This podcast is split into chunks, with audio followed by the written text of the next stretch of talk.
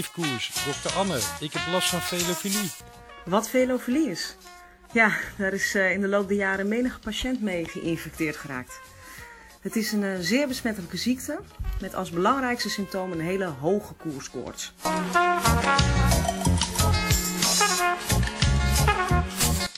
Velofilie dus. Zeer besmettelijk onder een groep fanatieke fietsvrienden. Samen zijn zij velofilie. En dit is de Velofilie podcast.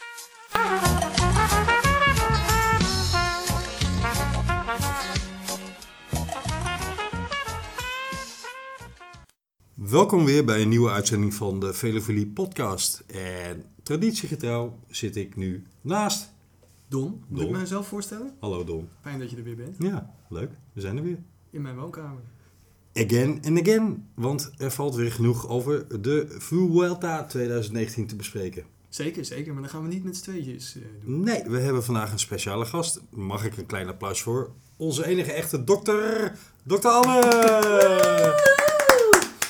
Welkom dokter. Anne. Dankjewel. We, we blijven hier ook structureel dokter Anne noemen in deze podcast. Ik wil niet anders genoemd Ja, worden. Eh, jij eh, bent vandaag onze eregast en eh, je joint ons in, eh, in eh, het praten over wielrennen. Ja, En- nou met heel veel genoegen. En we hebben een paar vragen. eh, we hebben een paar vragen, hè, Don? We hebben zeker een paar vragen, Camille. Ik ben heel benieuwd. Uiteraard wielren gerelateerd. Dat snap ik. Anders had ik je vandaag op gesprek gezien. Precies. Maar Ja, als daar- dokter andere vragen Daar was ik ons- ook, maar je, je wilde mijn receptje voor EPO niet. eh, Nee, Camille, Epo is- zit tussen de oren. dat is toch een beetje jammer. Maar ehm, laten wij beginnen. We gaan even heel kort de agenda eh, Ja, wat ik wilde zeggen is dat Oh. Anne ook vragen mag stellen aan ons. Zeker? Ja, ja, absoluut. want op, op wielrengebied ben ik absoluut geen kenner. Dus, eh, nou, goed. Maar je bent wel een liefhebber. Ik ben zeker een liefhebber, ja. Eh, maar een luie liefhebber. dus, dus als ik mijn Scorito-pool invul, dan eh, kijk ik gewoon op wat Scorito zegt en wielenflits zegt en daar blijft het bij. Ja, dat zijn goede tips over het algemeen. Ik, ik begrijp wel van Camille dat ik, ga, ik ga even de huishoudelijke mededelingen er doorheen gooien nu. Eh, we gaan even snel de agenda. Dat is voor onze luisteraars wel eens prettig. Dan weten ze een beetje wat er komen gaat. De agenda doornemen. We gaan eerst even kort terugblikken. Want eh, we waren redelijk recent nog bij jullie met een uitzending. Maar er valt toch wel wat na te beschouwen over de afgelopen etappes. Die in Andorra gaan we eruit pikken. En de, de tijdrit uiteraard. Vandaag, want het is nu woensdag. Nee, wel, sorry. Ja, het is woensdag. Ja, ik ben ook in de war. Eh, vandaag hebben we de, de lange ontsnapping gehad. Nou, ja, gaan we niet zo heel veel tijd aan besteden. Nee, maar het was wel de moeite waard eh, om het even te bespreken. Want het was wel een grappige finale. Nou, laten we daar eerst, eerst even mee beginnen dan. Vandaag, woensdag. Ja, heb je gekeken? Ja. Nou, die finale heb je dan wel gezien dat eh, die, die, die, die gozer ontsnapt. Ik, Ituria, ik ben zijn naam weer kwijt. Eh, de Bask, die speelde echt een thuiswedstrijd. Ja. En hij ging er vandoor op 25,2 kilometer van de meet. En eh, iedereen dacht van, die is gek. Maar eh, hij heeft het gewoon gehaald. En het, het grappige was wat er in de tussentijd gebeurde. Dat, eh, ja, ze gingen wel enigszins in de achtervolging. Hij kreeg eerst 30, 35 seconden. En er ging weer een groepje erachteraan die dacht van nou we gaan hem nu terugpakken. En ze zagen hem. Ik denk dat ze op 50, 40 meter van Ja. hem afreden. Het zat er heel close op. Het zat er echt heel Ja. dicht op. Ja. En ze kwamen er net niet bij. En toen ging het glooien en het daalde. Het ging weer dalen. En Dat was wel eens een weer voordeel. Ja. Ja, ja, ja, zeker. Dat hele parcours, dat, eh, die finale was echt in zijn voordeel. Maar buitengewoon knap dat hij, eh, dat hij het haalde. Ja, en leuk. Want eh, zo'n Bask in zijn eigen Ja. provincie is toch wel mooi. Hij hij was, hij een er ook wel blij mee. Nee, Heeft hij wel eens een overwinning behaald? Of, eh, dat is een goede vraag. Dat gaan we eens even opzoeken of hij wel eens een eh profoverwinning heeft eh gehad. Oeh, ja, goeie. Ja, ja. Ja.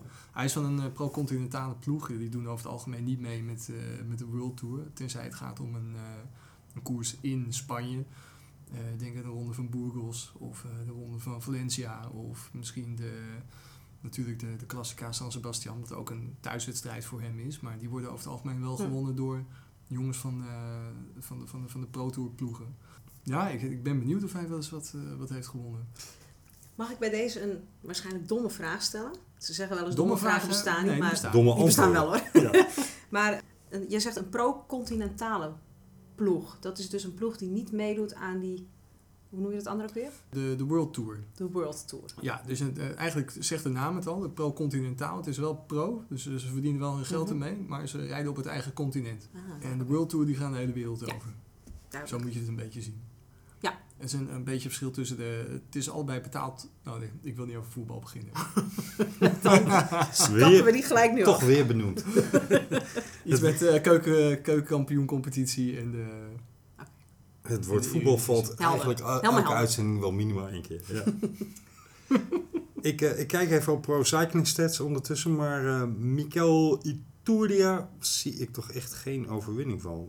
Maar ik heb ook geen zin om alle seizoenen Nee. terug te bladeren. Nou, ik wil hem bij deze van harte feliciteren met Ja. zijn... eh, Mooie overwinning, absoluut. prachtig. De grote favoriet, en we hadden het in onze voordiscussie eh, voorafgaand in deze uitzending er al even over.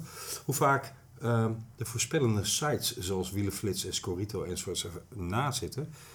Eh, maar vandaag nou ernaast zitten? ernaast zitten qua favoriet voor een etappe Ja, maar het is ook niet makkelijk, hè? Er, rijden meer dan Tuurlijk. 200 gasten vaak Ja. mee.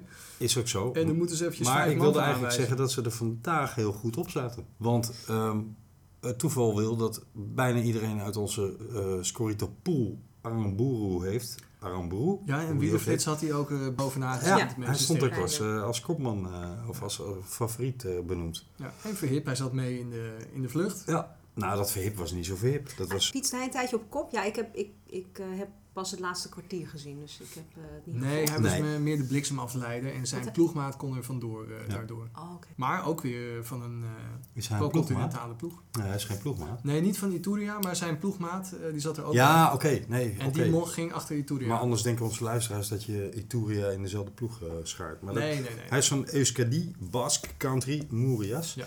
En Aramburu is natuurlijk van eh Cajarural. Vroeger het Euskadi Ascadeltel. Wat was het vroeger eigenlijk? Ja, het zijn eh, Baskische ploegen met een Ja. Baskische naam. Die ploeg in het oranje. Ja. Waarvan ik heel lang, als ik eh ervoor had keek, dacht... Wat zitten daar van Nederlanders, joh? het eh, drong pas veel later tot me door dat de Basken als ja, zeg maar nationale kleur oranje hebben. Ja. En ze- het is wel leuk, ze gaan altijd net zo hard tekeer zoals die, die Nederlanders in bocht. eh, Zo, af dat zijn de- fanatieke de wielren supporters. Ja, absoluut. ja.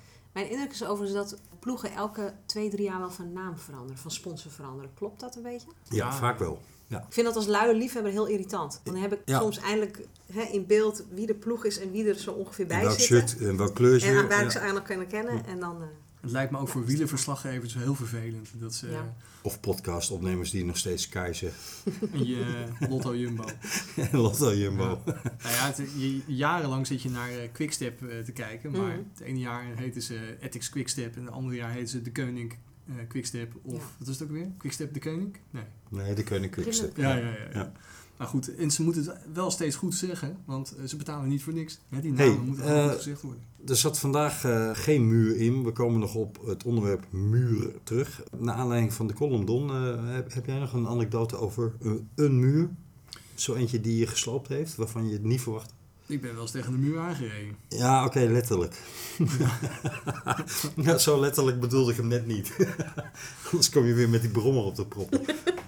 nou ja. Nou ja, de, de muur van Gerardsbergen eh, springt meteen eh, natuurlijk. eh. Nee, ik heb afgelopen jaar de, de, de cyclo van de, de Ronde van Vlaanderen gereden. Twee dagen voordat de werkelijke cyclo wa- was. Want hij was al binnen vijf minuten weer volgeboekt. Ja. En ik dacht, weet je wat, ik ga gewoon op de donderdag voor de cyclo ga ik erheen. Er staan alle bordjes uitgepeild. Goeie, eh, goede tip trouwens aan onze luisteraars die ook een keer de Illegaal eh, de cyclo gereden. Ja, ja, maar ik was niet de enige. Er waren meerdere, meer mensen. Dat En zal, ja. eh, ze hebben dat in, in Vlaanderen al lang geaccepteerd. En ze waarderen het zelfs. Ja. Ehm, dus die, ja, die bordjes staan er ook niet voor niks. Eh, alleen ik had de grote pech dat de muur van Gerardsbergen echt volledig afgesloten was. Vanwege alle, alle frituurs die werden opgebouwd. En, eh. Ah, ja. dus voor de echte cyclo was hij wel open. Ja, voor de echte cyclo was hij gewoon open. Ja, Even voor de luisteraars, de cyclo is de amateurversie van de van de, werkelijke koers. Ja, ja. dat is dus voor eh pannenkoeken zoals ik die eh, diezelfde route willen rijden. Zelfde afstand ook, hè? Zelfde afstand. Volledige- Ja, ja. Oh, je mag ook een korte doen. Ja, maar Ja. je kunt de hele route doen. Ja, Ja. dat is waar. Dat is waar. Ja. Je kan ook de, van Nederlanders doen de Amstel Gold race, hè, de cyclo.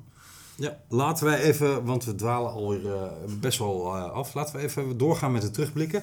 Eh, laten we even de etappe naar Andorra erbij pakken. We hadden ons volgens mij enorm verheugd. Afgelopen zondag was die, hè? Ja. 94 Ja, zeker. kilometer op en af, op en af en op en af. Ja. Het waren Lekker eigenlijk drie compact. grote echte Dat is fijn. Ja, 94 kilometer, Ja. eh, volgepropt met, want het begon met klimmen en eh, er zaten tussendoor wat afdalingen, maar volgens mij was het merendeel van de afstand klimmen. Ik heb het niet uitgemeten, maar eh dat was volgens mij meer klimmen dan afdalen in kilometers. Ja, als je begint met klimmen en je eindigt met klimmen, dan... eh, Ja, dan moet dat. Goedemorgen. Eh, Zoals je hoort, je is wiskunde nooit mijn sterkste Nee, ho. vak geweest. Dat hoeft helemaal niet. Nee, als je, Dat als je een hele lange hoe, afdaling hebt, dat ligt aan op ja. welk niveau je uiteindelijk eindigt. Ja, nee, maar goed, het- het- in dit geval was het zo. Ze eindigde Ehm, heel hoog, twee- maar het was 2000 meter. Het was een spectaculair parcours op voorhand. Integraal uitgezonden, mag Ja. ik wel zeggen. En, we hadden, we hadden ook het, het gevoel dat het een spectaculaire etappe zou worden. Wat wil je over gehoord? ik heb gehoord dat dokter Anne hem integraal ook heeft gekeken. Oh, echt? Nee, nee, ik Nee? niet. Oh, oh. was je Eh, ega. Sorry, het, het stond wel aan, ja, in huis. En die heeft wel integraal op de bank gelegen. Die heeft integraal op de bank gelegen. Ja, hier is het joggingbroek. Ah, terecht.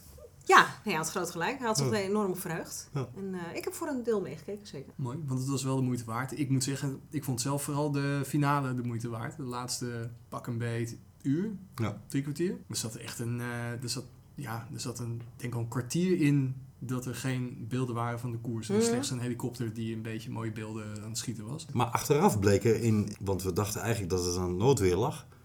Maar bleek er toch wel meer aan de hand te zijn. Want het was precies.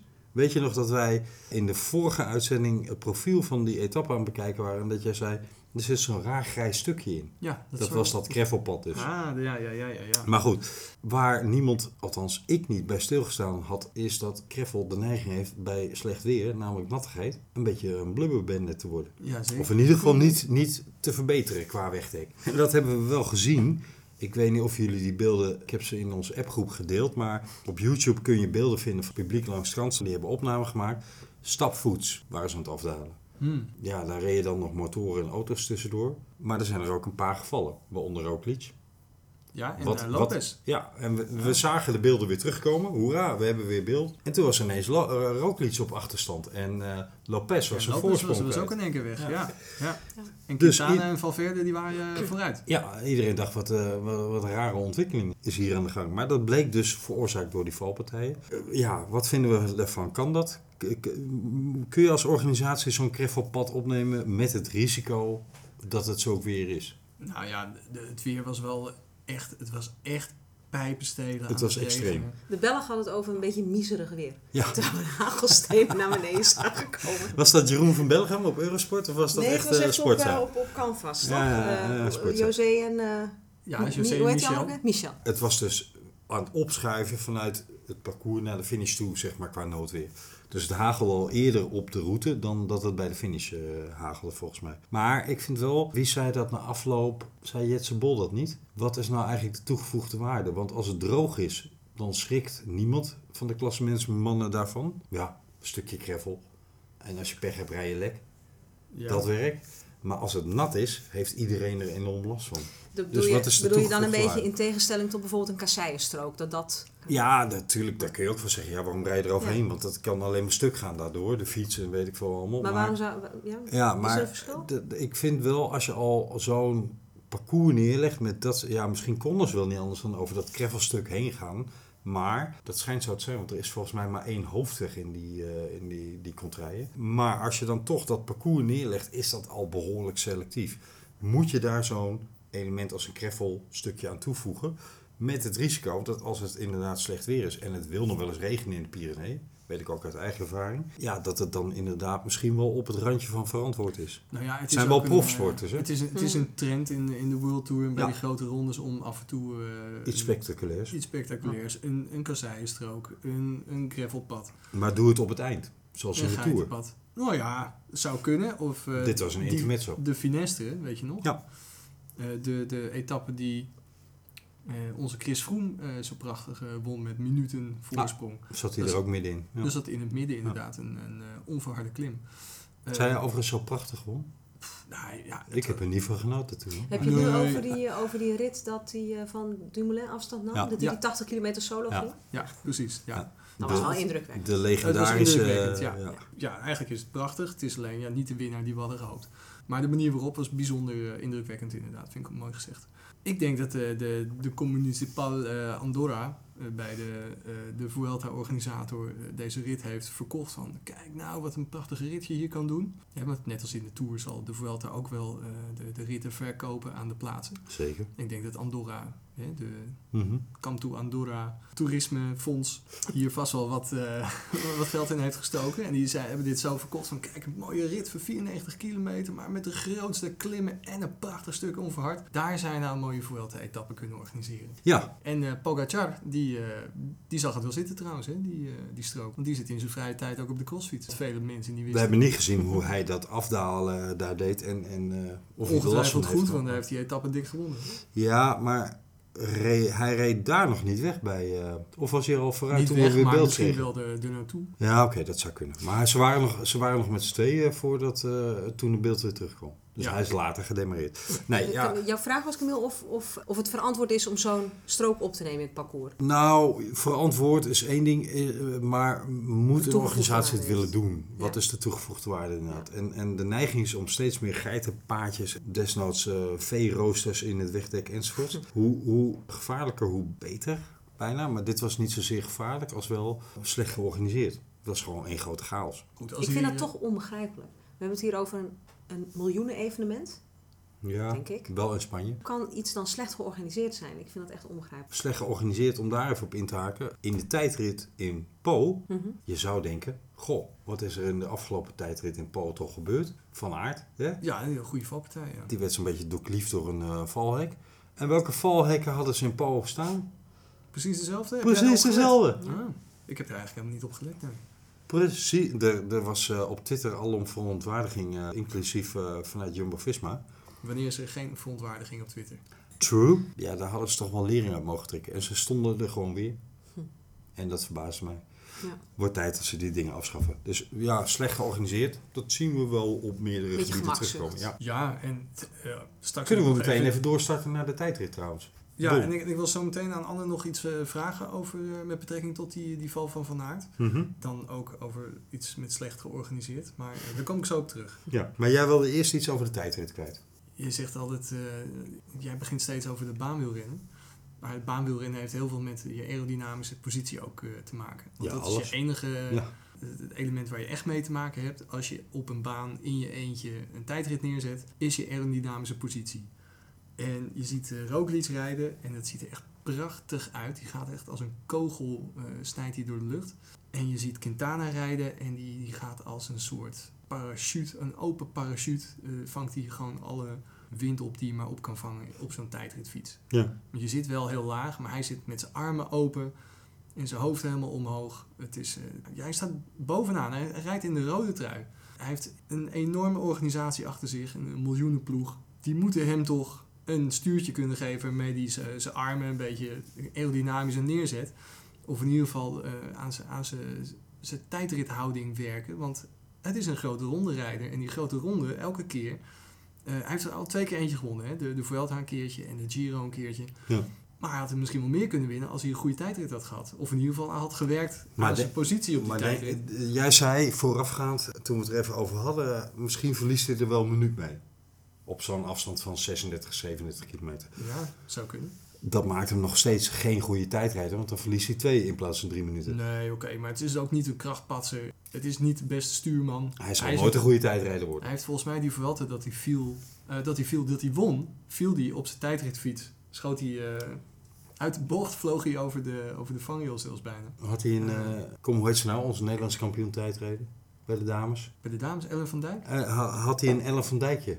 Want die ging eh, van de week ook de toeclubs uit en, en de dijk Ja, af. die heb ik nog eens bekeken. Dat, dat is niet helemaal haar schuld. Nee, Ze dat... kwam van een kasseienstrookje af, toen moest ze een 180 graden bochtje draaien. Ja, En terwijl ze wil aanzetten na die bocht, schoot ze er gewoon uit. nee, haar ketting was eraf gevlogen. Oh, een ketting. Oh, Ja. Het leek alsof ze uit de toeclip eh, schoot. Nee, nee, haar ketting vloog eraf, waardoor toen ze aan wilde zetten, trapte ze in de lucht met al haar kracht. Ja. En toen schoot ze inderdaad uit de toeclip. En Don, ik hoor dat jij een beetje verbaast over het feit dat, dat hij zo'n houding op die fiets heeft. En dat er toch wel mensen in zo'n ploeg moeten zijn die hem daarop wijzen.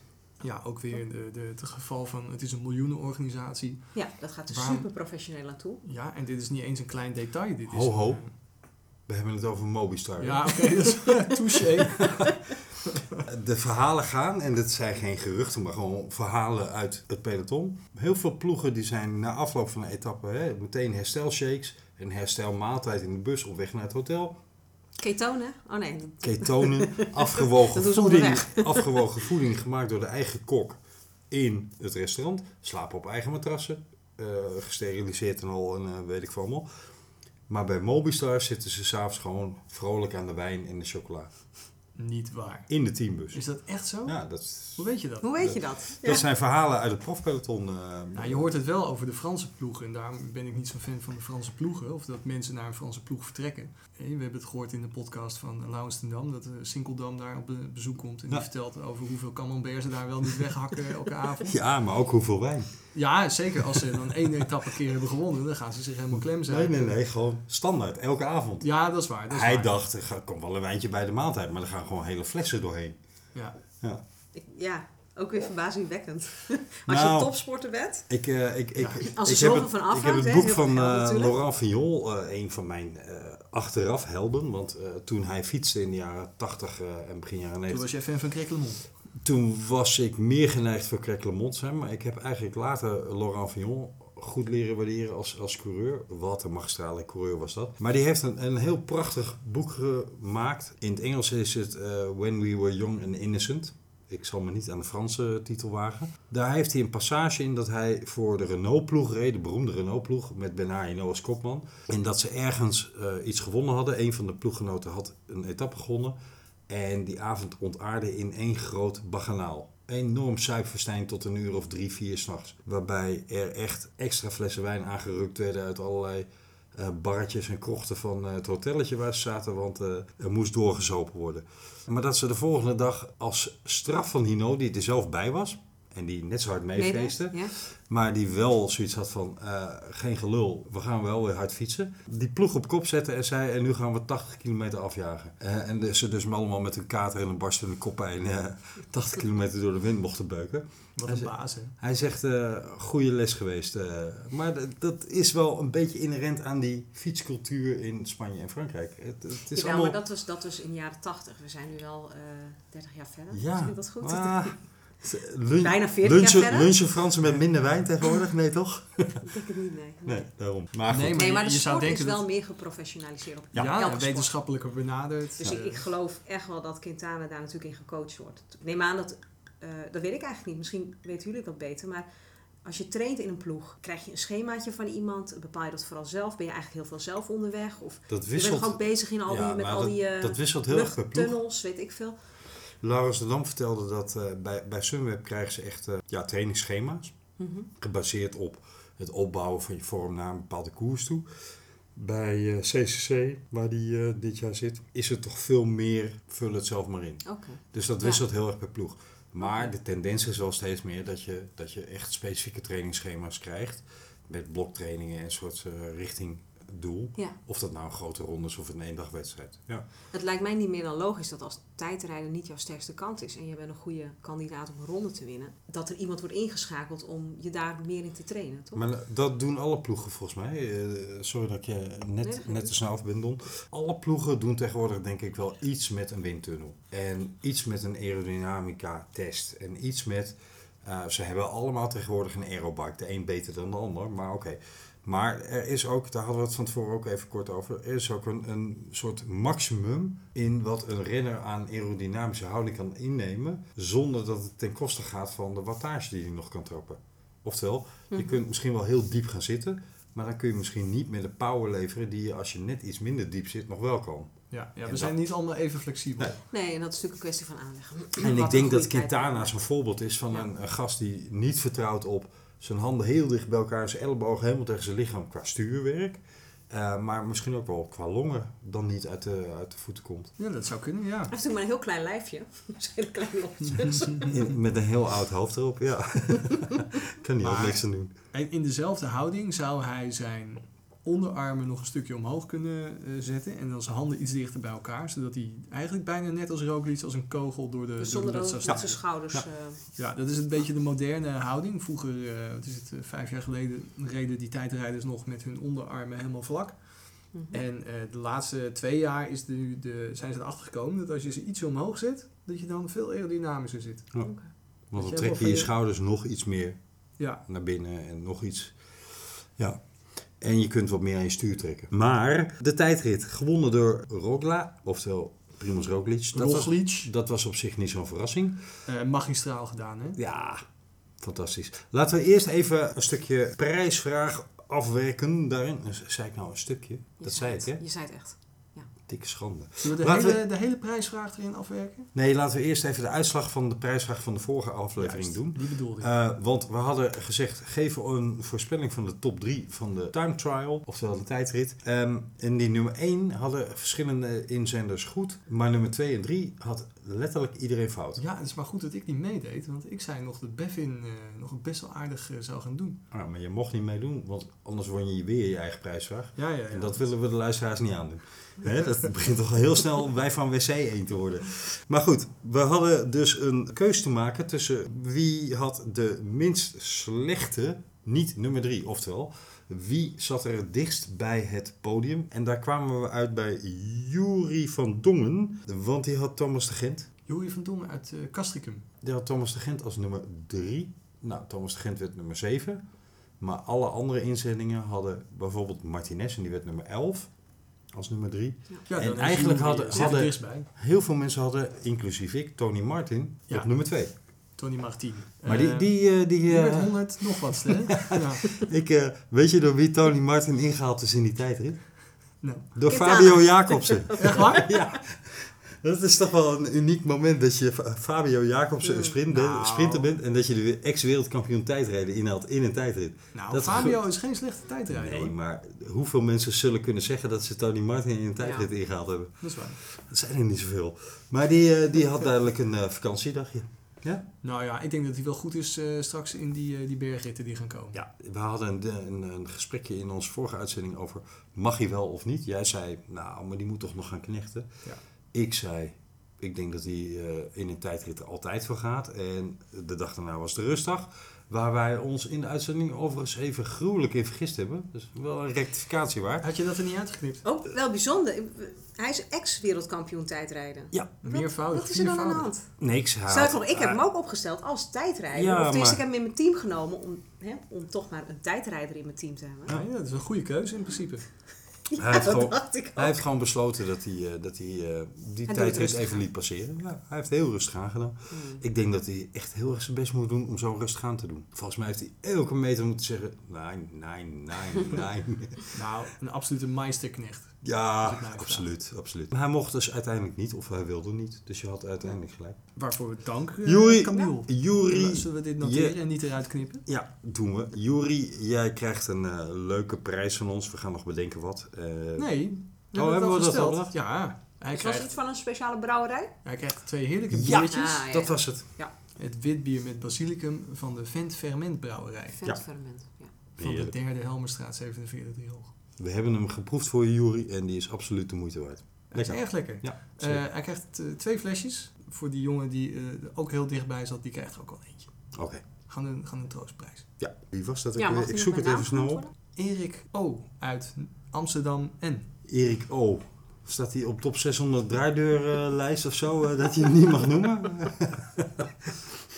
Erik Oosterhuis.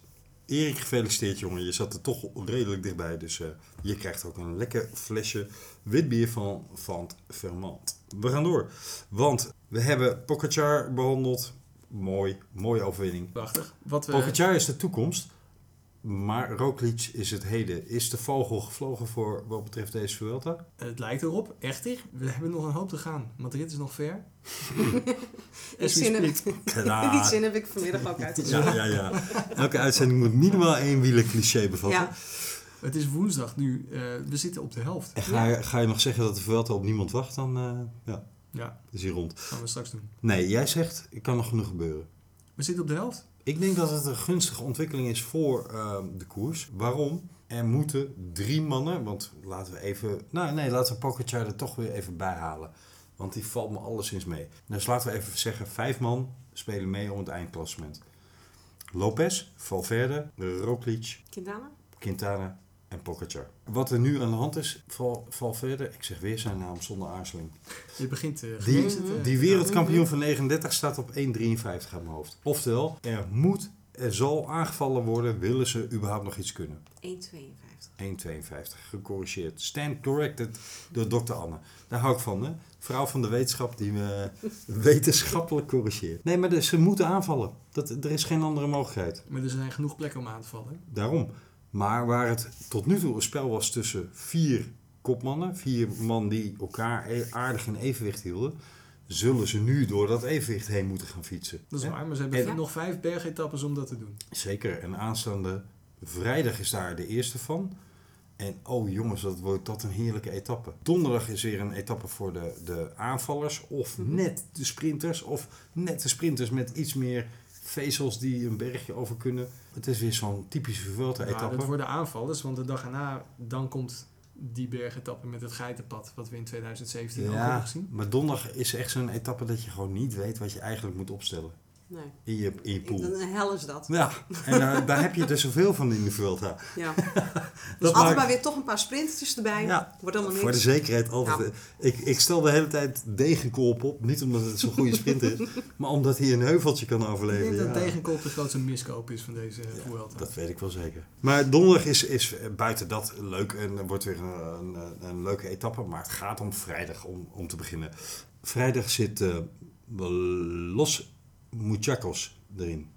Machucos. Machucos, doe ik Ja. toch weer fout. Je mag van mij ook eh, muchachos eh, Ja. zeggen, want het Nee. betekent in principe Los hetzelfde. Machucos, Los Machucos is eigenlijk een beetje lokale slang voor muchachos. die jongens. Ja. Ja, Maar jongens. wat een pestpukkel is dat, jongens.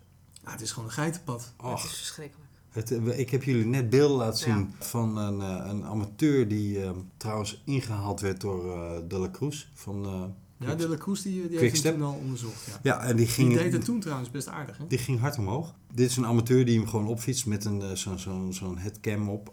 En eh, je ziet aan de manier waarop hij aan zijn stuur loopt te rukken en aan de snelheid en aan zijn ademhaling en alles. Je hoort en ziet en voelt gewoon letterlijk door het filmpje heen. Het zijn constante squats. Ga, bah, wat een vies pukkeltje is dat. Hij is niet eens zo hoog. Het is maar 900 eh, meter omhoog. Niet in Maar kilometers, 900 maar meter ja, omhoog. 900 meter stijging, zeg maar. Ja, van dat- 0 naar 900 meter. Hij is grotendeels tussen de 15 en 20 procent. Met uitschieters naar 28 procent. Ja. En het, het vieze zit hem in het feit dat er ook stukjes afdaling weer in zitten. In 2017 reden Het ze is een moeilijk om een ritme te pakken Ja, dan. Hè? dat niet. eh, nee, precies. Nee, niet. Want daar waar je net even over dat hoogtepunt heen bent en naar beneden gaat, schakel je meteen weer op. Ja. En zit je dus, als het goed is, weer op je grote blad eh, te malen. En, ja, maar En, het en vervelende is 200 ook- meter verder ga je meteen alweer zo'n zo'n stukje van, eh, nou pak een beetje 15 tot 20 procent in. Doen zij dit soort werk op een groot blad? Zijn ze serieus schakelen Naar een beneden groot wel. blad? Ja, naar beneden wel. Al het maar 200 meter, dan schakelen ze meteen Ja. even door naar dat, ja. Nou, maar het is heel link om dat te doen wel. Want het is niet zomaar asfalt. Het is van het gegoten beton met van die eh, groeven Ja. erin. En omhoog is dat al vrij vervelend. Dat je de hele tijd tak, tak. Wat wij in de duin hebben liggen, eh, die Ja. zandopgangen zeg maar. Ja, Ja, ja, alleen zijn het daar platen van een meter, zeg maar. Hè? Ja. En hier zit het om de 20, 30 centimeter van elkaar. Er zit zo'n groef. Zo'n groef om grip te blijven Dat is houden. omhoog al heel vervelend. Terwijl je 10 km per uur gaat. Misschien dat zijn Ja. net de 11 km per uur Maar als je halen. 30, 40 zo'n stukje van 200 meter naar beneden gaat, dan... Ja, eh, maar dan, dan trilt dus die ketting eh, eraf als je schakelt. Mm. ja. En dat, kan, dat is dus heel gevaarlijk. Daarom moet je dus ook meteen Ja. naar het hoogte, hè, naar, naar, op de top moet je doorschakelen, omdat je dan die afdaling gaat. Maar Timing- je schiet daarna ook meteen weer zo'n klim in. Ja. Zo, of zo'n stuk in de klim in. Ehm, dus hij is ontzettend onregelmatig. Er is geen ritme te vinden, maar er zitten echt uitschieters van 28% in. 2017 zat hij voor het eerst in de Vuelta. Contador ging er toen vandoor. Eh, die stond op 4, 5 minuten bijna.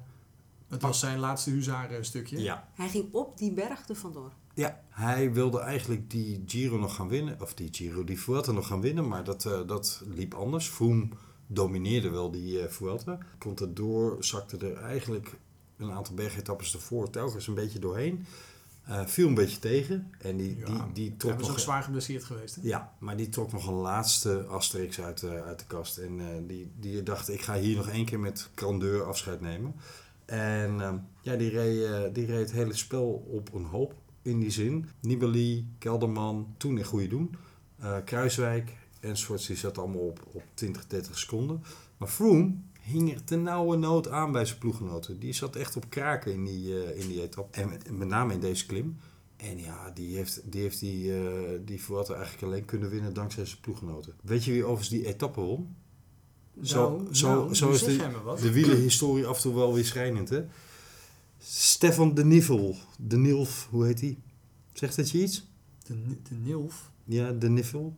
De, de niveau I like to... Nee, dat is die Oostenrijkse, eh, volgens mij inmiddels ex-wielrenner. Die geschorst is, die oud, die geschorst is vanwege dat eh Dr. Müller-schandaal. Met die langlaufers in Oostenrijk. Oh, wacht eens even.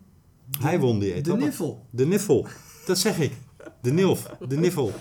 Als je de Nilf zegt, dan denk ik aan Milf. Ja, oh, sorry, sorry, ja, dat is eh, mijn bijnaam eh, voor hem. Nee, de Niffel, eh, die won hem. En die kwam echt met, ik, ik heb die klim nog eens teruggekeken vanmiddag. Die kwam met zijn mond dicht, eh, die, eh, die los muchachos op. Ja, ja, Machucos reed- op. hij reed toen voor eh, Aqua Blue. Voor die pro-continentale ploeg. Ja, schitterend tenue hadden De die. ploeg heette Aqua Blue. I know, I know. Ja. maar ehm, ja, die, eh, die, die fietst inmiddels niet meer rond. Om welbekende redenen. En dat hij met zijn mond dicht die klim op kwam, is nu ook wel verklaard. Waar Ja. ik me, wat ik me afvraag, die eh profrenners, vloeken die bijvoorbeeld tijdens een stukje van 28%? Nou, als ze daar de adem voor hebben, zouden ze het misschien willen doen. Maar Inwendig wel, toch? Ja, zijn natuurlijk vast wel. Prof, eh, wielrenners in het algemeen, eh, dat geldt ook voor amateurs zoals ik en ehm, iets minder amateurs zoals Don. Maar profwielrenners zeker houden in een bepaalde maat van pijn lijden. Dat Hm. kan niet anders. Dat, eh, je moet jezelf pijn willen doen bij wielrennen, anders, anders ben je geen goede fietser. Nou, elke training... eh, Ja. Een training is geen training geweest als je jezelf niet helemaal tot het, tot het randje brengt. Van, dat je niet comfortabel bent. Je moet gewoon inderdaad out of your comfort zone jezelf Hm. helemaal kapot maken Ja. om beter te worden. Als je geen, bloed, als je geen bloed in je mond proeft, dan moet je nog een rondje doen. Dat is overigens een hele ouderwetse stelling hoor. Maar, enfin, nee, maar dat, ja, wielrenners hebben een soort raar, raar plezier in het opzoeken van hun pijngrens en er doorheen gaan. Dus die profs hebben daar een ultiem raar plezier in. Hè? Dat, Ja. dat zijn de beste pijnzoekers eh, ter Ja. wereld, denk ik wel. Of ze dit soort klimmetjes nou speciaal waarderen, ik durf het te betwijfelen. Zelfs betwijfel het Contador niet. Ja, ja, ja, ja. Ik denk dat alleen jongens echt uit de streek, die die klim al eh, honderd keer op, eh, op zijn geweest, dat die het eventueel waarderen. Omdat ze denken dat ze een, een voordeeltje hebben. Ja. Dat ze voorkennis hebben. Ja, maar ook zij zullen denk ik elke keer weer gewoon denken... Gadver. Heb je hem weer. Ja, Ja. wat doet dat ding toch pijn in je, in je poten? Want ja, dat is het gewoon. Doordat je niet in een ritme komt... En, en Pyreneeën aan de Franse kant zijn er al berucht om... Maar in Spanje hebben ze het nog veel meer. In Spanje is het zo, ze leggen een stuk asfalt aan. En Nepal, eh, wat voor hellingsgraad daaronder eh, ligt... Er ligt een weg. Eh, en het doet er ook niet toe of je daar met je fiets omhoog kan. Het gaat erom dat je met je trekker daar nog enigszins wegkomt. Ja. Hè? Het is een ruraal gebied daar. Dus ja, dat zijn geen eh, wegen waar ze hebben nagedacht over. Nou, stel dat er eens een paar mensen op een wielren uh, Het is geen eh, gezinsauto met caravan eh, erachter. Nee, ook die komt er niet omhoog. Nee. Dat wordt een mooie etappe uh, aanstaande vrijdag. En uh, ja, dan gaan we eigenlijk naar het echte zwaartepunt van de Vuelta toe. Namelijk aanstaande zondag. Don, jij hebt een beetje uh, naar het profiel uh, gekeken, hè? Ik heb ook inderdaad eventjes naar het profiel gekeken. Dat is niet gering, uh, Camille. Zo, goeiemorgen. Zo, vier stuks van de eerste categorie. Dat is de hoogste categorie in de Vuelta, want er is geen oorcategorie. Nee. Net zoals dat er geen vierde categorie is. Er zijn gewoon 3, 2, 1. Ja. De, de grafische weergave ziet er al heel uh, ja, in, afschrikwekkend in uit. In Spanje heb je kut, kutters, uh, kutter en kutst. Ja, ja, dit is echt uh, overleven voor die arme, arme sprinters die uh, nog ja. naar Madrid willen. Nou, echt. Om binnen de tijd binnen te komen. Er is wel, vlak voor de laatste klim, is er nog een tussensprintje voor de mensen die mee ja. willen doen om het puntklasse. Valverde. nou, rijdt Roglic al in de, in de groene trui. Dus, ja? de, maar die, uh, die man van 39 staat niet ver achter hem, hè? Oké, okay, dan wens ik hem heel veel succes.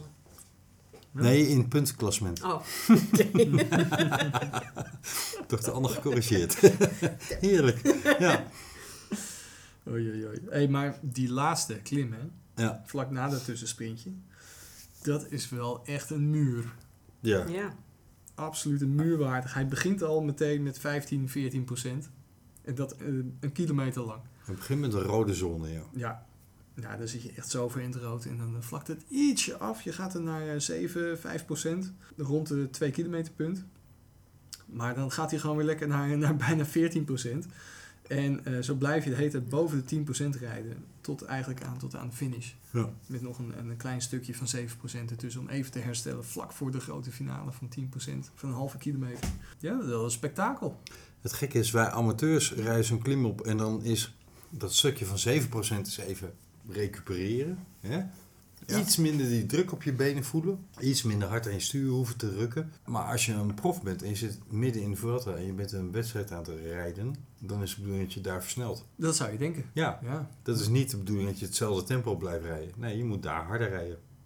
Dus Dat die druk op je benen om- blijft even groot. ja, ja, ja Ja. eigenlijk wel. Eigenlijk wel. Ja, Maar toch kun je wel een beetje recupereren. Iets. Iets. Wielrennen is pijn lijden. Daar komt het op neer. Het is, het, wat heel dankbaar is aan die aan beklimmingen, is wel dat inderdaad zodra de, het een ietsje vlakker wordt, dat voelt echt als een cadeautje. Toch? Ja. Tenminste, Ja, je voelt Ja. echt eh, alsof je het hebt gehaald. Hè? Ja, ik precies. spreek uit eigen ervaring, hè? We Ja, zijn ja. in Ja, Spanje je hebt in Spanje gefietst, hè? Ja. Volkomen ongetraind. Dus ik, ik huilde letterlijk bij 7% de eerste weken. Ja. Dat deed ik dan in stilte hoor, want Jur die was al kilometers vooruit. En was het echt doodstil om me heen. Dus dan kon ik even flink vloeken op zo'n berg. Vandaar mijn vraag ook net. Maar ik weet nog wel, eh, het is wel, als je op de top staat, is het gewoon fantastisch. Dan is al het leed gelijk geleden. Nou, als je op de top staat, stel je uit dat je naar beneden mag.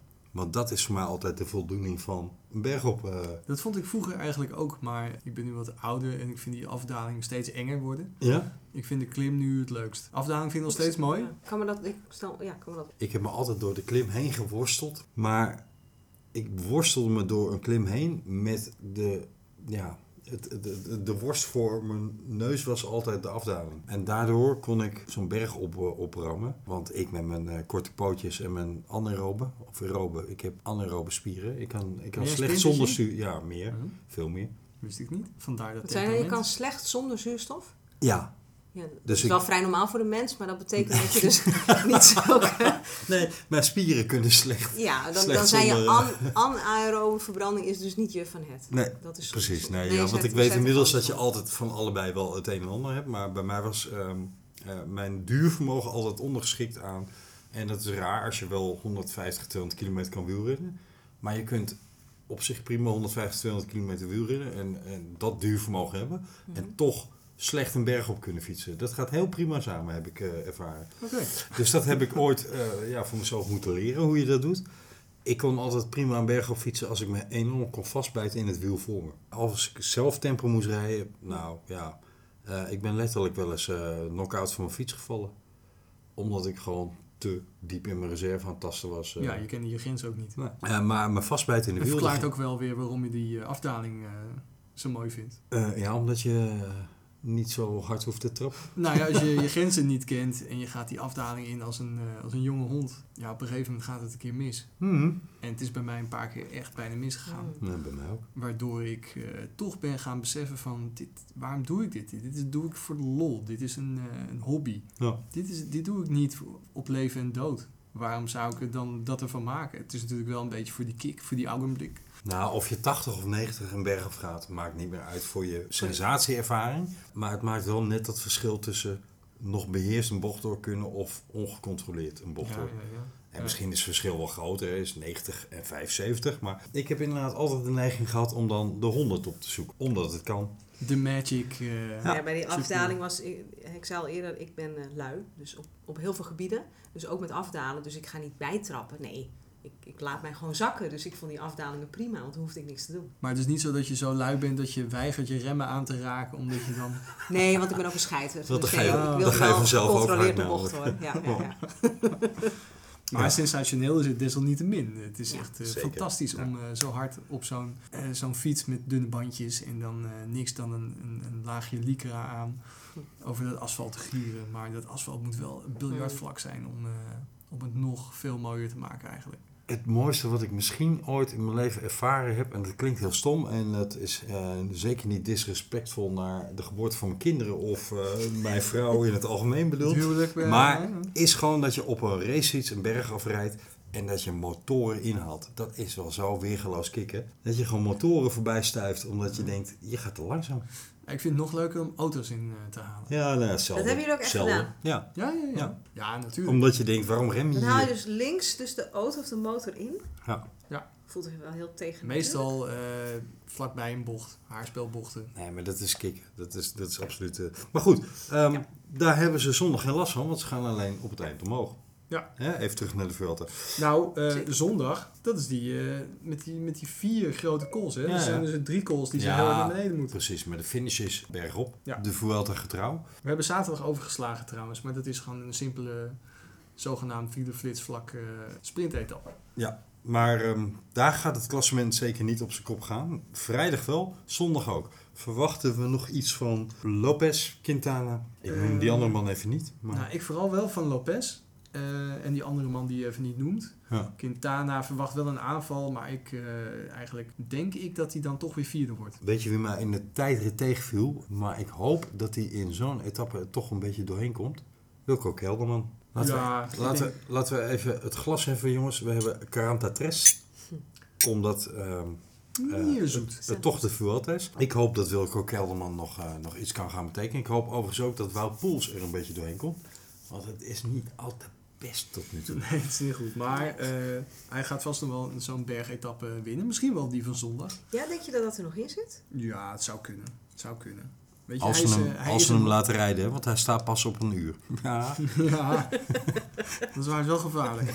precies. Eh, Hey. overigens is er maandag ook een vette bergetappe. Hè? Met een, eh, wel een echte oorcategorie trouwens. Want ik wist niet dat ze die hadden. Oh, na zondag gelijk dat? Ik Ja. zie nu het eh, grafische plaatje van maandag. Ja, ja. En die finale die is heftig. Hij is heel lang. Dus 18 kilometer. Ja. Hij valt er mee hoe stijl die is. Tussen de 6 tot 8 procent. Het is meer een Franse loper. Ja. Nou, loper, maar het is meer een Franse klim dan Ja. typisch Spaanse klim. Maar goed, deze is dus op, eh, op de maandag. Wat betekent dat het op dinsdag een echte werkelijke rustdag is. Ja, want deze- daar gingen wij de mist in. Beste luisteraars, excuus. Ik heb zelfs eh reacties gehad van mensen die de auto aan de kant hebben gezet. om het routeprofiel op te zoeken. Omdat ze daadwerkelijk geschokt waren van, wacht even. Is die tijdrit nou op maandag of op dinsdag? Eh, ja, we zaten er even een dagje naast. Levensgevaarlijk. We keken een week eh, te ver vooruit. En dat, eh, dat vertaalde zich in de uitzending. Excuus daarvoor. We hebben het bij deze gerectificeerd. We waren in de war met de, de tweede rustdag. Ja. Die is wel op dinsdag. Precies.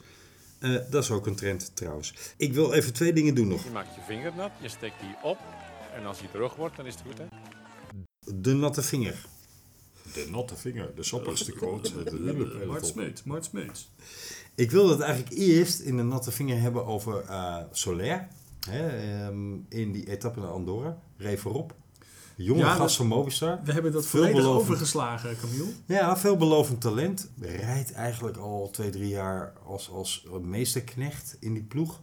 Komt niet echt aan zijn eigen carrière, zeker winstkansen toe. Maar zat nu, toevalligerwijs of niet, voorop. En kreeg toen het signaaltje vanuit de ploegleiderswagen inhouden, want Quintana komt eraan. Ja, terwijl we hadden verwacht dat Quintana Oh, niet meer mocht voor eigen succes. Dat Dat was Soler. beeld, ja, Ja, dat mannetje wat zo boos eh, heeft met zijn arm boven zijn hoofd. En, eh, ja, ja. Ja, Dat was balen. Soler. Ja. En eh, die liet in woord en gebaar zien dat hij eh, het bepaald niet eens was met de beslissing dat hij moest inhouden. Ja. Daarna is er wat discussie geweest. Is dat professioneel? Nee, de ploegleiding heeft hem enorm de oren gewassen in de media. En dan weet je wel een beetje hoe laat het is. Hè? Als je in, in Wordt het in de media zo ja, gespeeld? stand and corrected in de Ja. media. Hij heeft Wel bij daarna... Mobistar. Ja, hij heeft daarna zijn excuses aangeboden, want eh, wel, dat had hij toch niet moeten doen richting de ploeg. Ik vind eigenlijk dat hij groot gelijk heeft. Nou, De, ga- ik de niet. Quintana gaat weg. Eh, Bedenk het even vanuit de ploeg. Hè. Quintana gaat dat hij weg. weggaat. Dat, Ja? dat, ik ga niet weer eh, parallellen met voetbal trekken hier. Eén in Neymar of zo? Nee, ja. Nee, maar eh, het, het feit dat je weggaat wil niet zeggen op dit moment. Wat het dus wel wil zeggen, is dat op dit moment rijdt Quintana voor Mobistar. Voor de kleuren van Mobistar. Die, die verdedigt die, die, die Spaanse eh Bell Company, Belhuis eh, kleuren. Die verdedigt hij op dit moment. Maar nou heb je een? Spaans jong talent in de Ronde van Spanje. Ja, maar je moet nu niet gaan ploeg. koersen met het oog op volgend jaar. Nee, nou, tuurlijk speelt dat mee. Ja, nou, individueel, althans, maar niet voor de ik ploeg. zou het als ploegleider laten meespelen. Als er een jonge Spaanse talentvolle coureur voorop rijdt en je hebt een Colombiaan die weggaat uit je ploeg, die niet altijd even positief over je ploeg geweest is de afgelopen tijd, dan zou ik hebben gekozen voor laat die Quintana maar zelf rijden, want dat heeft hij tot dat punt ook gedaan. En laat die Soler lekker voor de etappewinst proberen te strijden.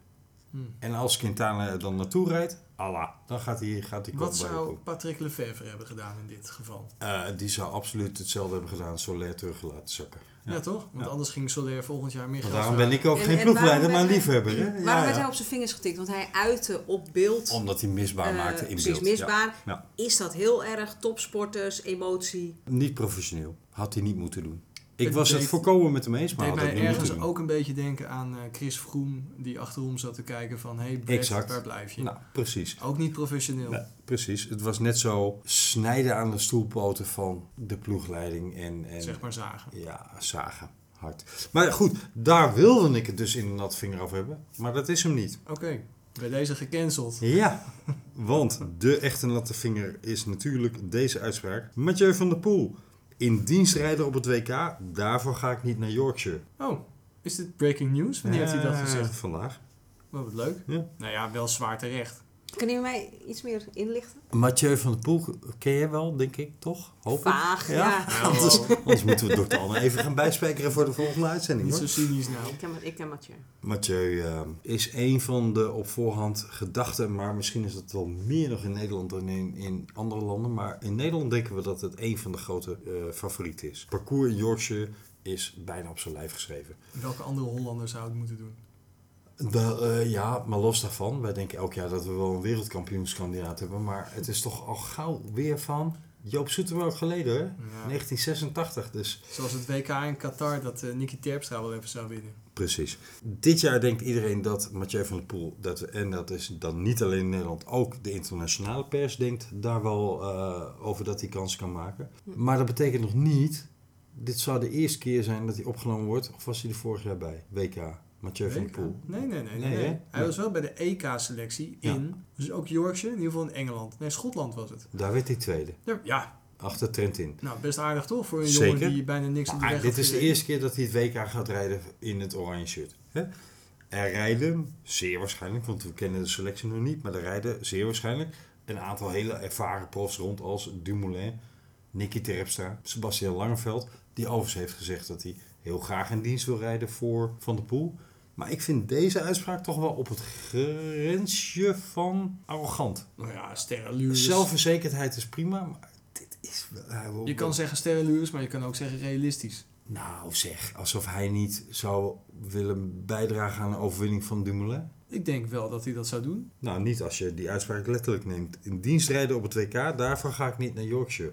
Of bedoelt hij, Yorkshire is nou specifiek zo op mijn lijf geschreven...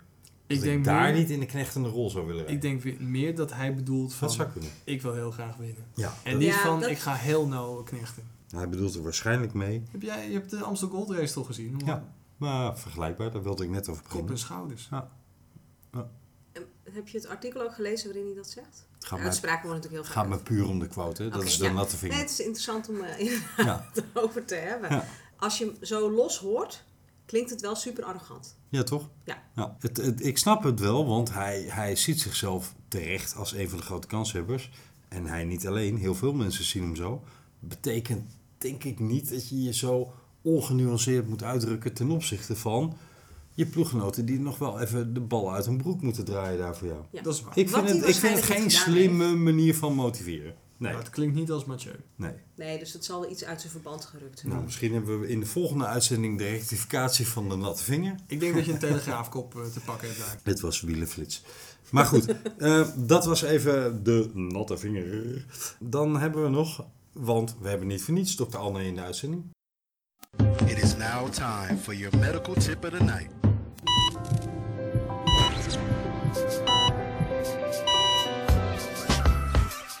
Question. We hebben nog een wat vraag, vragen. eh, voor dokter Anne. Ja, Ik, had, ik heb zelf een vraag. Eh, terugkomend op het eh, geval Wout van Aert, waar we het eerder over hadden. Ja? Hij is ehm, na zijn val vrij snel geopereerd door een Franse arts.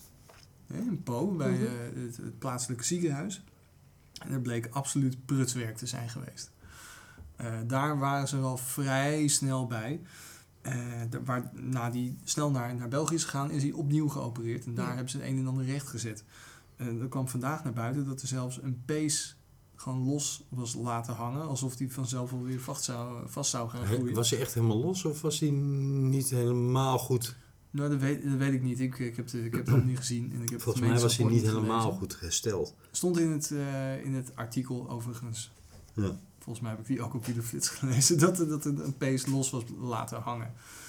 Ehm vraag me sowieso af, kan een pees weer vastgroeien? Of moet je dat op een andere manier eh, vastzetten? Dat moet gewoon gehecht worden, denk ik. Ja, ja, kijk, bij de normale mens hoef je niet per se eh, elke pees te gaan opereren. Eh, die los is gescheurd. Het, het maar bij een topsporter natuurlijk wel. Maar een pees die vergeten is, dat is heel gek. Ze hebben de boel open gehad. Dus dan, ja, als je daar een, een, een orthopedisch chirurg bent of een algemeen chirurg, dan hoor je de anatomie goed te kennen. Ja, dit was Dus ook een, grote open wond. Dus eh, Ja, ja, het zijn flink wat spieren waren daar helemaal eh, doorgesneden. Nou, niet helemaal doorgesneden. Ik weet dit eigenlijk niet. Ik heb het medisch rapport dus eh, nogmaals niet Nee, maar ik vind, wel, ik vind toch wel wa- wat ik nu hoor, en ik, ik, mijn enige informatie is wat ik van jou hoor natuurlijk. Gelijk even die disclaimer toevoegen. Is dat, ehm, dat het, het klinkt wel als prutswerk. Of. Maar dan vraag ik mij dus af, hoe is het mogelijk dat er een, eh, een prof sporter op korte termijn wordt geopereerd, absoluut prutswerk dus, door een plaatselijke arts? Is dat een arts die toevallig dienst heeft?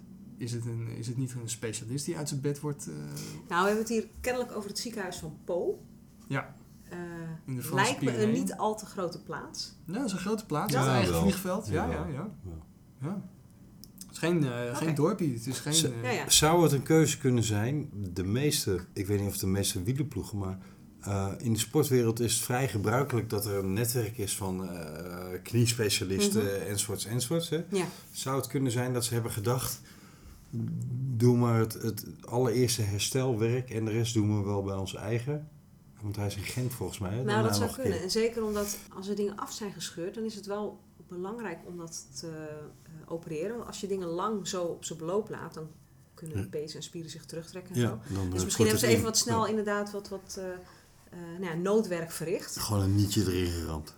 Bijvoorbeeld. Aan de andere kant, shit weet je, zo snel gaat dat dan ook weer niet. Dan is hij de volgende. Hoe lang duurde het tussen de operatie in Volgens Polen mij en zat er een week of zo tussen. Ja, oké.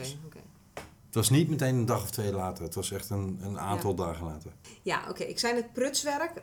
Ik weet het fijne er niet van, maar het, het klinkt waarschijnlijker dat ze wat, gewoon wat snel labwerk hebben gedaan om het dan later door een heel specialistisch iemand allemaal netjes aan elkaar te naaien. Zoals het in de media kwam, was het wel alsof het per ongeluk een tweede operatie mis, vereiste. mis Ja, was gegaan. Ja, ja. Maar of dat zit in, een hoe, in hoe ze het nieuws gebracht hebben, hè, dus miscommunicatie Ja. over wat er nou eigenlijk gebeurd was, of dat het inderdaad een mislukte operatie was, ja. Ja, en jouw vraag over, hè, is het gewoon iemand die dienst heeft? Ja, in de regel wel. Heb jij, heb jij wel eens zoiets onderhanden gehad of voorhanden gehad? Nee, als huisarts niet. Nee hoor. Nee. Dat zijn echt, dat Nooit zijn echt iemand- chirurgen. Ja, nooit een eh, sporter eh, voor, je, voor je neus gehad die zei... eh, ik, ben net gevallen en mijn hoofd staat verkeerd op mijn romp. Nou, ik heb wel eens iemand doorgestuurd waarvan bijvoorbeeld de, de, kuit, de kuitspier voor een groot deel door was. Eh, Oh, die stuur je ja. dan naar de chirurg. Ja. lekker. ik, krijg, ik krijg acuut kramp in mijn kuit. Au, die voelde ik. Oké, Don, volgende vraag.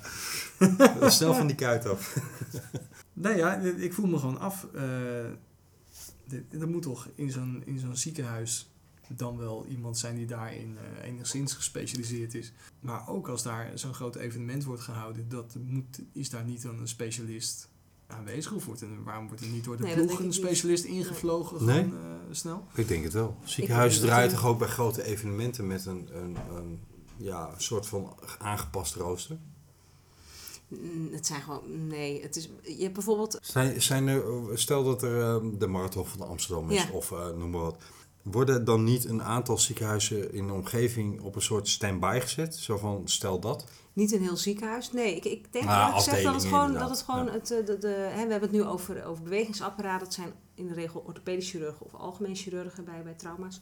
Nee, daar zullen ook, je hebt altijd een achterwacht. En hè, als, er, als er de pleuris uitbreekt, kan die ongetwijfeld eh, diegene collega's bellen. Ja. Maar ze zullen niet heel specifiek een kniespecialist of. Want je weet natuurlijk niet welk trauma er gaat plaatsvinden. Hmm. Dus nee, en, en hè, misschien.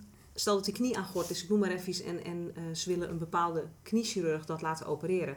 Ja, die hoeft daar niet voor naar de poot te vliegen. Dat kan natuurlijk dan wel op een andere plek. Ja, oké. Dus nee, ik, ik, kan, me, ik eh, kan me voorstellen dat Dat er wil niet heel veel aanraden, speciale hoor. maatregelen genomen worden. Ik wil niemand aanraden om naar poot te vliegen. Maar Maar je, je ziet hier niet een, eh, een complot in van de, de Fransen om eh, deze Belgische renner een... eh, yes! ja, met een prutswerk. Onze complotman is weer terug. nou, met, als je een vrij eh, cynische geest hebt, zou je dat kunnen bedenken. Ja, Don ja. heeft een vrij cynische geest.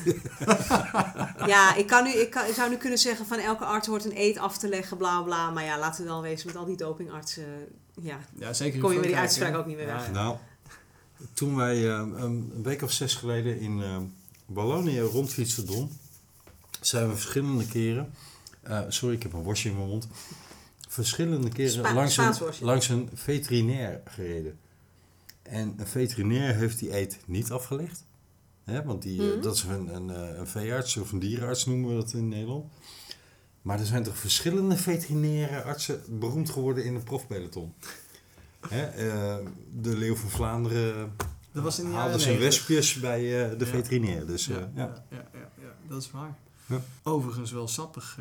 Ik ken ook een, eh, een jongen die doet eh ehm, triathlons. En die heeft enkele maatjes in het, eh, in het circuit die eh, ook veterinair zijn. Mhm. En eh, zichzelf een receptje... Ik voel je het komen. maar die schrijven zichzelf receptjes... Eh, maar ook, ook ja. EPO Ah, zijn ze mee aan het trainen. oké. En eh, daar kunnen ze gewoon aan komen omdat ze inderdaad eh dierenarts zijn. En als En- dierenarts valt het niet op. En het is allemaal compleet Nee, nee, amateurniveau. Dat doen ze helemaal niet echt. Ze doen het voor zichzelf om te kijken of het helpt. Of, eh, of ze er iets aan hebben. Het is niet dat ze daardoor de eerste plek eh, pakken. Dat is gewoon puur om hun eigen PR aan te vallen. En te kijken of dat... eh, dat is gewoon een, Gewoon een beetje eigen nieuwsgierigheid. een. Ja. Ja. Het zijn ook Duitsers trouwens. Als Ah. veterinair lijkt me dat inderdaad makkelijker Vandaar spielerijtje. Ja. Ja. Dan als eh, mensenarts. Want als ik een receptje voor mezelf zou willen uitschrijven, dan moet ik goede banden met mijn apotheek hebben, willen ze dat toekennen. Ja, ja, Eh, maar als je natuurlijk voor, eh, weet ik veel, duizend koeien eh in handen bestellen, dan eh, ja gaat of dat je, voor, makkelijker, denk je, voor je eigen kat. Oké, dat zal een stuk makkelijker zijn. Ja. Ik, ik kan niet voor jou een EPO komen. oké. oké. Ik weet ook nog wel een goede dierenarts. Waar gingen we eigenlijk naartoe? Dat is een suggestieve opmerking, Don. Of Ja, eh clandestine nee. recepten. Eh, We hadden nog een vraag voor eh, dokter Anne. Want we zitten nu eh dokter Anne helemaal in het eh, clandestine medische circuit te trekken. Dat was helemaal de bedoeling niet. Ja, wat ik nog wel eh, eh, me afvroeg, dokter Anne, is... ehm, tegenwoordig zijn bikefittings helemaal de mode. Hè, met eh, allerlei eh, sensoren op je lichaam geplakt. Met name op je knieën en zo. Daar waar ze vroeger een touwtje eh, tegen je knie aan hingen met een loodje eraan... En als die ongeveer dwars door je trapas liep, dan, eh, nou, dan zat je ongeveer in een goede positie eh, op de fiets. Ja. Hoe, hoe kijk jij er tegenaan? Nou, ik denk dat je mm, met, met dat soort standaardmetingen van hè, het mo- het moet zo lang zijn of die hoek hebben, dat je daar niet altijd mee uitkomt. Want ieder lichaam is toch heel anders. Ja. Dat zie je ook aan sporters, hè, zoals Quintana een beetje apart op zijn tijdritfiets zit. Herinner ik me ook nog wel zo'n marathonloper, Martin nog iets, lang geleden. Die heel raar liep, die echt heel apart liep, maar er wel super snel mee was. Dus ehm, ja, bewegingen, houdingen, dat, dat is onwijs individueel. Dus ik denk dat je daar met standaardmaten niet, eh, niet altijd mee uitkomt. Dus ik weet niet hoe dat precies met die sensoren werkt. Maar ja, als dat een bepaalde druk of zo meet, dan geloof ik daar wel meer in dan eh, de touwtjesmethode. Ik, eh, ik heb het met Don eerder in een podcast een keer over gehad. Dat ik kreeg ooit een ergonomische fitting van mijn bureau en bureaustoel. Ja. Toen dacht ik, ik zit echt absoluut beroerd. Terwijl dat de optimaal ergonomische houding zou zijn. Toen kwamen wij op het onderwerp dat veel mensen zo'n bike- bikefitting doen. En dan Hm. vervolgens toch net een zadel weer een klein millimetertje rechter tilten. Of de voor- of aft van een zadel weer net ietsje aanpassen enzovoort. Ja. Eh, eigenlijk is daar medisch dus niks mis mee. Want het gaat gewoon naar je... Je, zoekt naar je optimum hoe jouw lichaam het Ja. prettig vindt. En iedereen heeft andere verhoudingen, andere focushouding, eh, is, eh, Ja. is, En- andere en- standen van ledematen. Dus ik, ik denk dat het prima is om, om eens wat anders te proberen. Hè? Iets waar je misschien niet op kwam, om dat toch eens uit te proberen. Mhm. En dat je uiteindelijk zelf het beste aan je lichaam voelt, wat voor jou het beste is. Ja. Ja, als, je, wat, als je geen prof bent. wat ik Nee, daarover maar- wil zeggen is dat als mensen eerst een, eh, een hele dure bikefitting hebben gedaan, daar een bepaald advies uit krijgen en toch hun zadel weer in de oude positie zetten. Ik denk ook dat je even moet wennen aan die nieuwe positie die is aangemeten. Eens. Ehm, Ja. En die volgens de professionele sensoren eh, toch aanwijzen dat dit voor jou de minst belastende eh, positie is voor bepaalde pezen, kniebanden, eh, noem het op, waar je maar last van eh, zou kunnen krijgen. En ik denk dat je inderdaad dan in het begin misschien wel even last eh, hebt van je nieuwe positie. Ja. Dus je moet het ook eh, een beetje vertrouwen Je moet het wel even de kans geven. Daar Ja. ben ik met je eens. Maar het, het is niet een heilig iets. Nee, oké, nee, nee. Maar soms zijn ze wel echt eh, 400 euro zo'n bikefitting. Ja. Ja, En ik je, je lichaam wel- zegt best wel snel van ja of nee. Dat, Ja. dat voel je op zich Ja. best wel. Nou, ik heb mijn fiets ook wel heel erg laag afgesteld en een hele lange stuurpen. Maar ik vraag me af hoe lang ik dat nog volhoud. Ik ben nu een jaartje van 38 en Een eh jaartje of 38. Zit er een ontkenning om in? en nabij. Maar als ik eh 48 ben, dan denk ik niet meer dat ik in deze positie eh, deze kilometers kan maken. Maar ik weet wel elke keer als ik op een racefiets stap dat ik denk, jeetje wat zit dat ding diep. Ja. Ja, Ik had de eerste keer het idee dat ik voorover zou kukelen. ja. Het is gewoon een stadsfiets gewenst fietst- waar je ja, rechtop op precies. zit. Jij fietst waarschijnlijk ook meer op een mama fiets rond dan... Alleen, ja, nou, een, een gewone fiets. Ja. Nou, ehm, we dwalen af van de Vuelta. En eh, we gaan ook meteen afsluiten, want ehm, er komt nog heel veel prachtigs aan. Ehm, maar zondag heeft niemand een excuus, want zondag is gewoon een magistrale etappe. Nou, Ja. ik, ik, heb, ik heb een verjaardag van een neefje, dus... Kijk, ja, en ik was bang ja. dat ik misschien naar mijn schoonouders eh, moest. Maar eh, geluk is dat mijn schoonouders zitten in Burgos. Hé, hey, en daar ga je naartoe. Nee man, ik ga gewoon op de kunnen, bank hè? ga ik die etappe kijken zondag. Ja, heerlijk toch? Joggingbroek aan op de bank en eh, gewoon al die calls doorzitten. Dat is het eh devies. Dit was hem weer. Ik eh, vond het een genoegen, dokter Anne, dat je erbij wilde zijn. Ja, insgelijks. Dat gaan Heel we gezellig. vaker doen. Bedankt weer, eh, beste luisteraars. Ehm, hebben jullie nou vragen naar aanleiding van eh, het bezoek van dokter Anne gerelateerd aan wielrennen op medisch gebied? Stuur die dan in naar velofiliepodcast.gmail.com. Hoe vaak mag ik het zeggen, Don? Dat je mij vragen mag stellen voor de jelletjes? Nee, hoe vaak mag ik velofiliepodcast.gmail.com noemen? Drie keer. Eh, Drie keer. ik- Nog ik één keer. Ik heb het niet verstaan. Oké. Ja, gaan We hebben nog één ding te doen, namelijk een prijsvraag. Nou ja, niet vergeten. Ja. Over afsluiters eh, gesproken. Ja, en ik zeg gewoon, voorspel de winnaar van de etappe op zondag. Nee, daar ben ik het niet mee eens. Oké, doe jij een betere. Ik zou willen vragen het verschil tussen de nummer 1 en nummer 2 van de etappe van zondag. In secondes. Ja, hallo hé. Jij wil gewoon geen prijs weggeven. Nee, Dat is degene- onmogelijk. Die het Degene is- die het dichtstbij zit, die wint de prijs. Eh, Dus je kan kiezen voor dezelfde tijd of een kwartier of... Dus je hoeft niet de winnaar te benoemen of de nummer 2, maar alleen het verschil in seconden. En dan kun je je afvragen, gaat dit een, eh, een ontsnapper zijn? Is dit een van de klassementsmannen? En dan gaat de, de, de, de tweede man zo hard mogelijk om zo, zo min mogelijk seconden toe te geven. Of laat ze die eerste man gewoon lekker rijden en eh, wordt het een strijd tussen de klassementsmannen daarachter. Oké, de definitieve versie van onze prijsvraag is dus... Voorspel het verschil in seconden tussen de nummer 1 en 2 van de etappe op zondag in de Vuelta.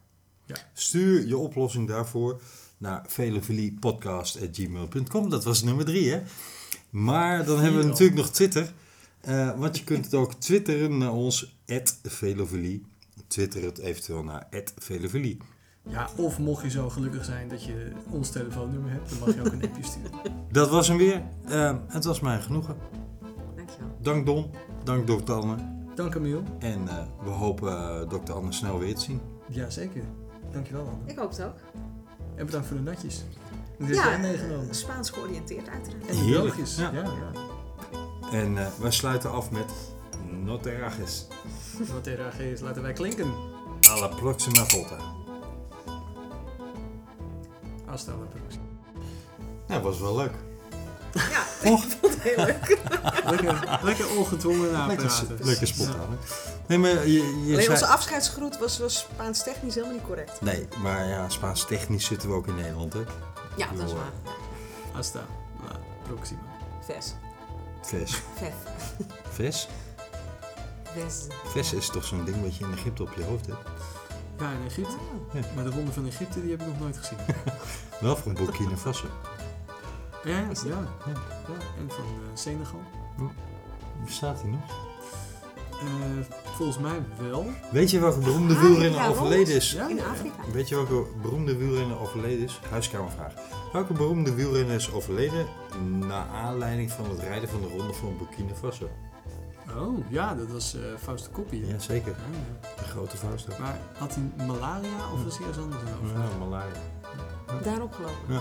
Ach, En eh, het liep tegen kerst in Italië en eh, de artsen hadden gezegd, "Mwah, hij heeft een beetje koorts, maar kom na de kerst maar eens een keer terug. huisarts. Het was tenslotte kerst. Ja, ja. huisartsen. Paracetamolletje. Deugt weinig aan eh, huisartsen, ja precies. Van 36 euro. Dat is een mooie afsluiting. Nee, was leuk. Moeten we Ja. vaker doen.